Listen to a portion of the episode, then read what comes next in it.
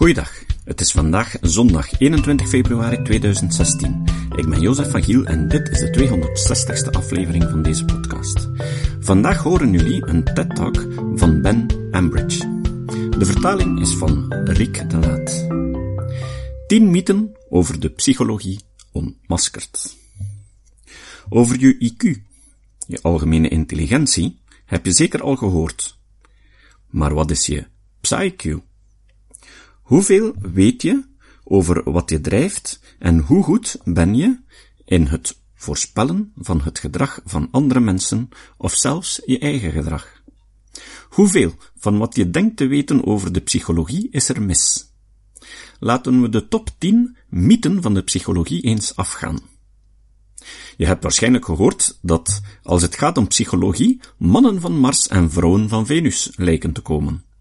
Maar waarin verschillen mannen en vrouwen echt?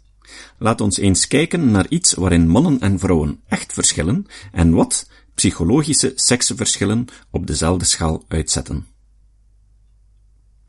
Eén ding waarop ze echt verschillen is hoe ver ze een bal kunnen gooien. Als we kijken naar de mannen, zien we een zogenaamde normaalverdeling. Weinig mannen gooien een bal echt ver, en ook weinig helemaal niet ver. De meeste halen een gemiddelde. Vrouwen laten dezelfde verdeling zien.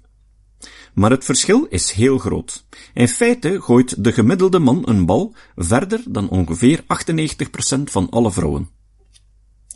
Hoe zien nu enkele psychologische seksenverschillen eruit op dezelfde gestandardiseerde schaal? Elke psycholoog zal je vertellen dat mannen beter ruimtelijk inzicht hebben dan vrouwen. Kaartlezen bijvoorbeeld. En dat is waar. Maar hoe groot is dat verschil? Klein. De lijnen liggen zo dicht bij elkaar dat ze bijna overlappen. In feite is de gemiddelde vrouw beter dan 33% van de mannen. En natuurlijk, als dat 50% zou zijn, zouden de twee geslachten exact gelijk zijn. Het is de moeite waard aangezien dit verschil en het volgende zowat de grootste psychologische seksenverschillen zijn die ooit ontdekt zijn in de psychologie. Hier komt de volgende. Elke psycholoog zegt dat vrouwen beter zijn in talen en grammatica dan mannen. Vrouwen zijn gemiddeld beter, maar de lijnen liggen zo dicht bij elkaar dat 33% van de mannen beter zijn dan de gemiddelde vrouw. Opnieuw, als het weer 50% zou zijn, zou dat complete gendergelijkheid betekenen. Niet echt een geval van Mars en Venus. Eerder iets als Mars en Snickers. In principe hetzelfde, maar de een misschien iets noodachtiger dan de andere. Ik zal niet zeggen de welke. Voilà, nu zijn jullie een beetje opgewarmd. We doen de beroemde Rorschach inktvlektest. Veel mensen zien in die vlekken twee beren of twee mensen of zoiets. Dus denken dat ze hallo zeggen of high-fiven betekent dat je vriendelijk bent. Als je denkt dat ze vechten, ben je eerder een naar agressief iemand. Je bent of een minnaar of een vechter. Op een ander vlekkenpatroon zien sommige mensen een hamster. Dat is zeer verontrustend. Wel, je zou een soort tweebenige dieren moeten zien, en ook hun spiegelbeeld. Zo niet, dan betekent dit dat je moeite hebt met het verwerken van complexe situaties. Maar dat betekent het helemaal niets. Rorschach inktvlektests zijn waardeloos bij het diagnosticeren van persoonlijkheid. Ze worden niet meer gebruikt. Bij een recente studie bleek dat wanneer je persoonlijkheden van mensen gaat diagnosticeren met de Rorschach inktvlektest, schizofrenie werd gediagnosticeerd bij ongeveer een zesde van klaarblijkelijk volkomen normale deelnemers. Als je op deze test niet zo goed presteert, ben je misschien gewoon niet zo erg visueel ingesteld. Nog een snelle quiz om dat uit te vinden. Bij het maken van een taart geef je dan de voorkeur aan een receptenboek met foto's? Dat een vriend je begeleidt? Of begin je ermee en zie je wel wat er van komt? Dus, als je foto's zegt, dan betekent dit dat je visueel leert.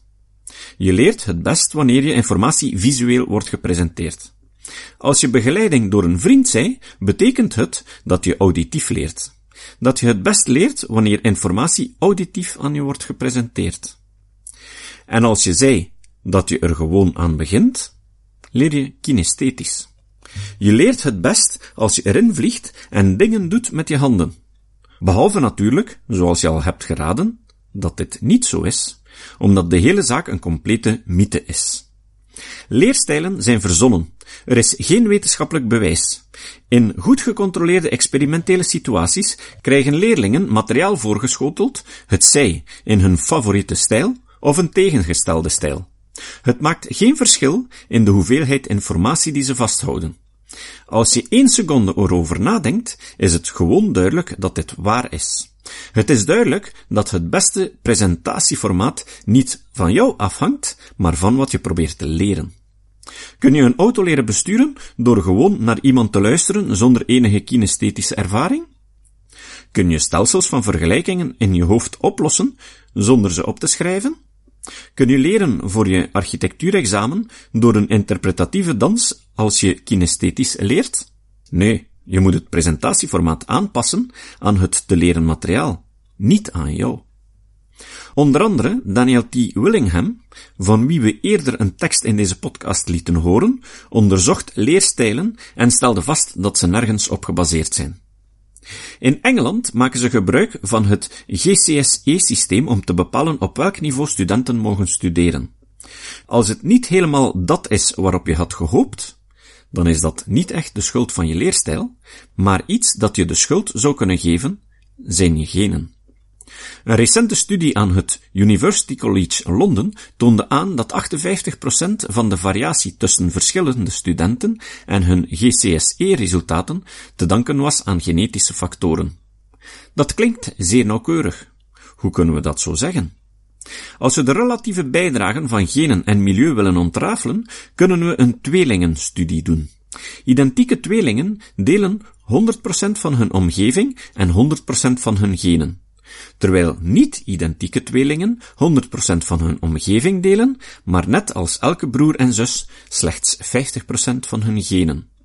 Door te vergelijken hoe GCSE-resultaten overeenkomen bij identieke tweelingen versus niet-identieke tweelingen, en wat slimme wiskunde, krijgen we een idee hoeveel variatie en prestaties van het milieu afhangen en hoeveel van de genen. Het blijkt dat 58% te wijten is aan de genen.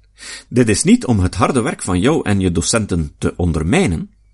Als je GCSE-resultaten niet de verhoopte waren, dan kan je altijd proberen de schuld te geven aan je ouders, of tenminste aan hun genen.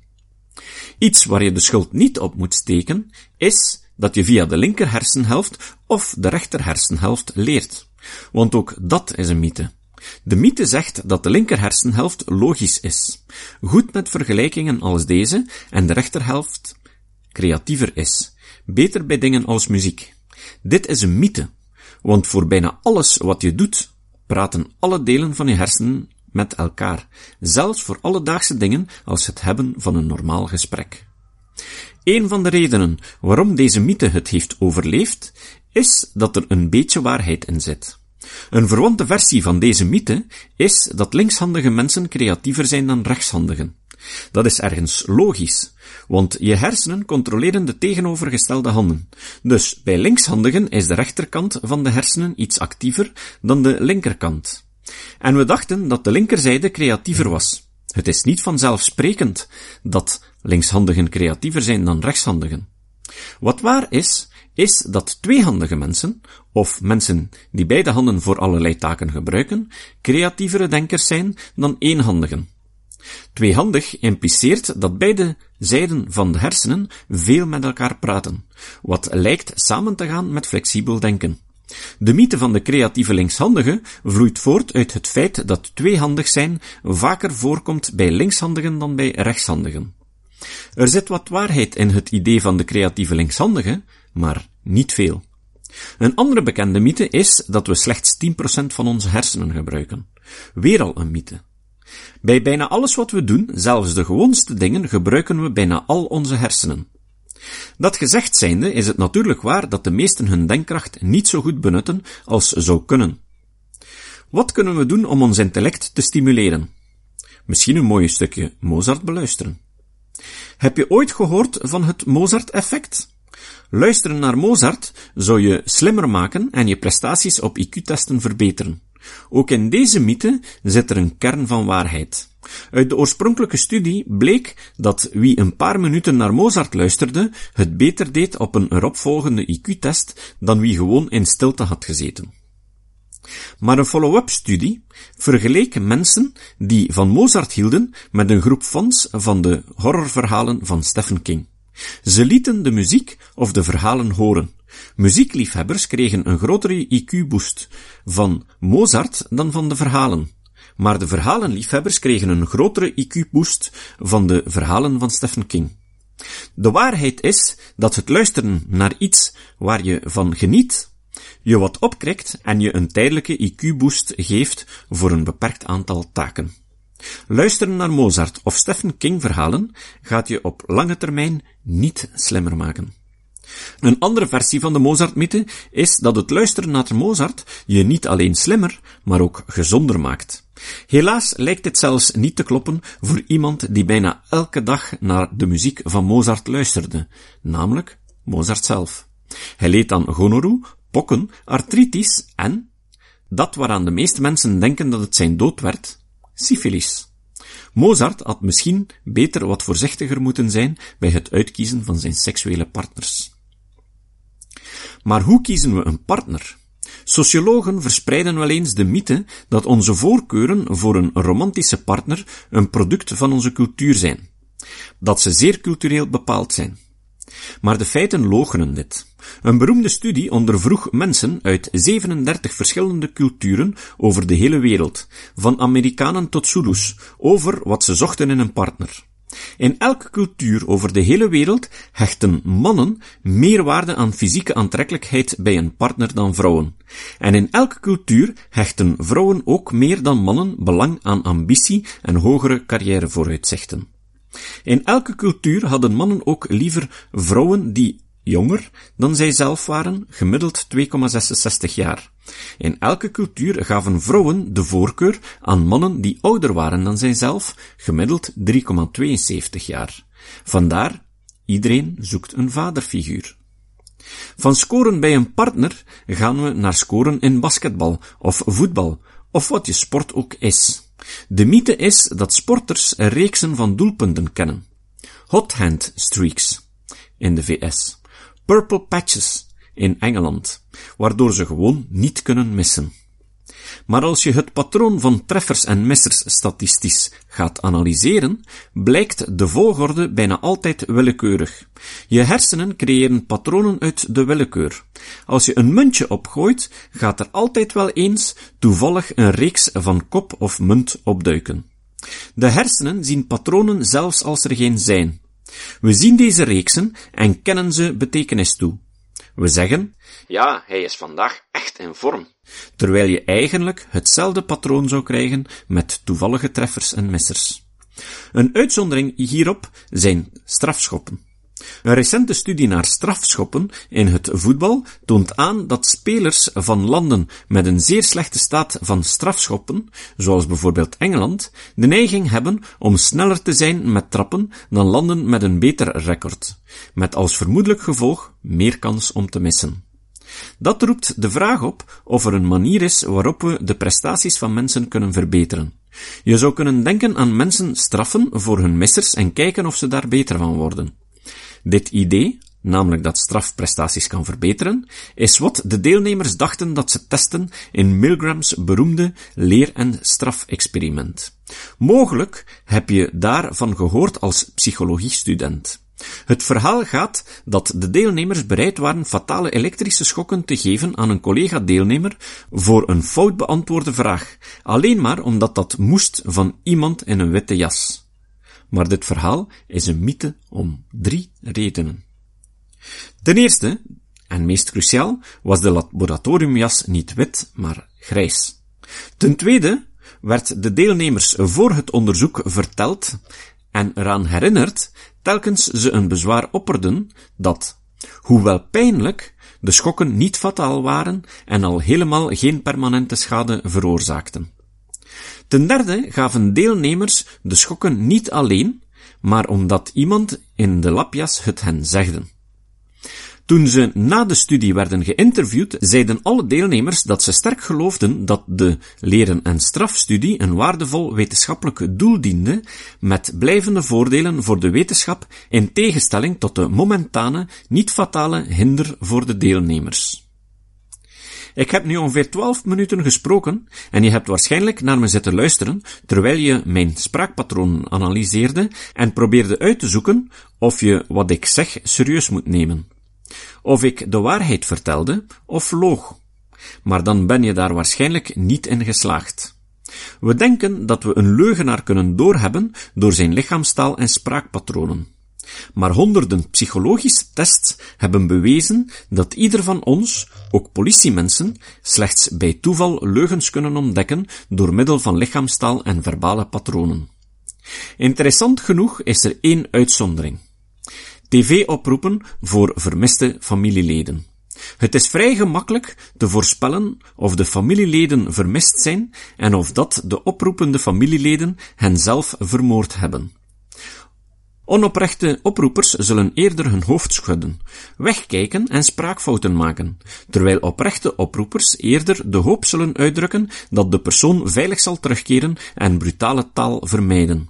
Ze zullen bijvoorbeeld eerder zeggen, van ons weggenomen, dan vermoord. Tijd om te stoppen. Maar toch vertel ik je in 30 seconden nog de overkoepelende mythe van de psychologie. De mythe dat de psychologie gewoon een verzameling interessante theorieën is die allemaal iets nuttigs zeggen en iets te bieden hebben. Wat ik hoop te hebben aangetoond is dat dit niet waar is. We moeten psychologische theorieën beoordelen door te kijken naar hun voorspellingen. Of luisteren naar Mozart je slimmer maakt, of dat je beter leert als informatie wordt gepresenteerd in de gewenste leerstijl. Hoe dan ook, zijn het allemaal toetsbare empirische voorspellingen. De enige manier om vooruitgang te boeken is deze voorspellingen controleren in goed gecontroleerde experimentele studies.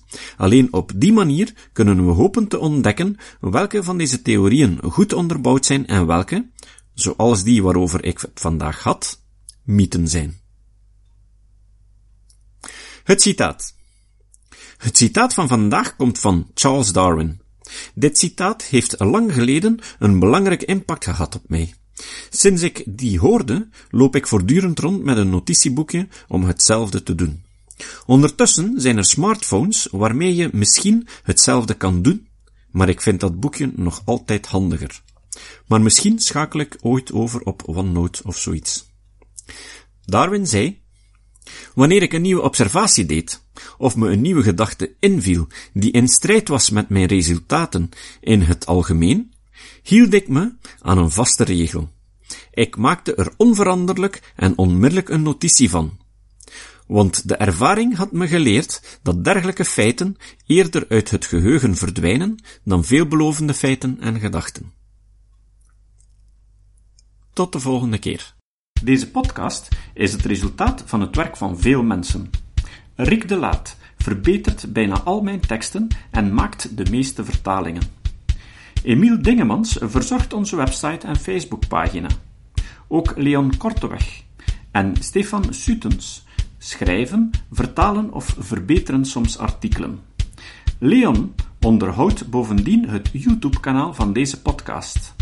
De muziek van de intro en de trailer heeft Nick Lucassen geschreven en soms maken we ook gebruik van muziek van Ad van Nederpelt, die ons zijn prachtige composities ter beschikking stelt. Dit was de podcast Kritisch Denken. Vergeet niet om alles kritisch te behandelen, ook deze podcast. Voor verdere informatie over deze podcast, links en voor de tekst, surf naar www.kritischdenken.info. Als je deze podcast belangrijk vindt, kun je me steunen door anderen warm te maken ook eens te luisteren. Stuur een e-mail naar vrienden met een link naar de website en plaats de link in de handtekening van je e-mails. Tevens kun je op iTunes deze podcast een beoordeling geven of een recensie schrijven. Of je kan op je eigen website of blog een link naar kritisch denken plaatsen.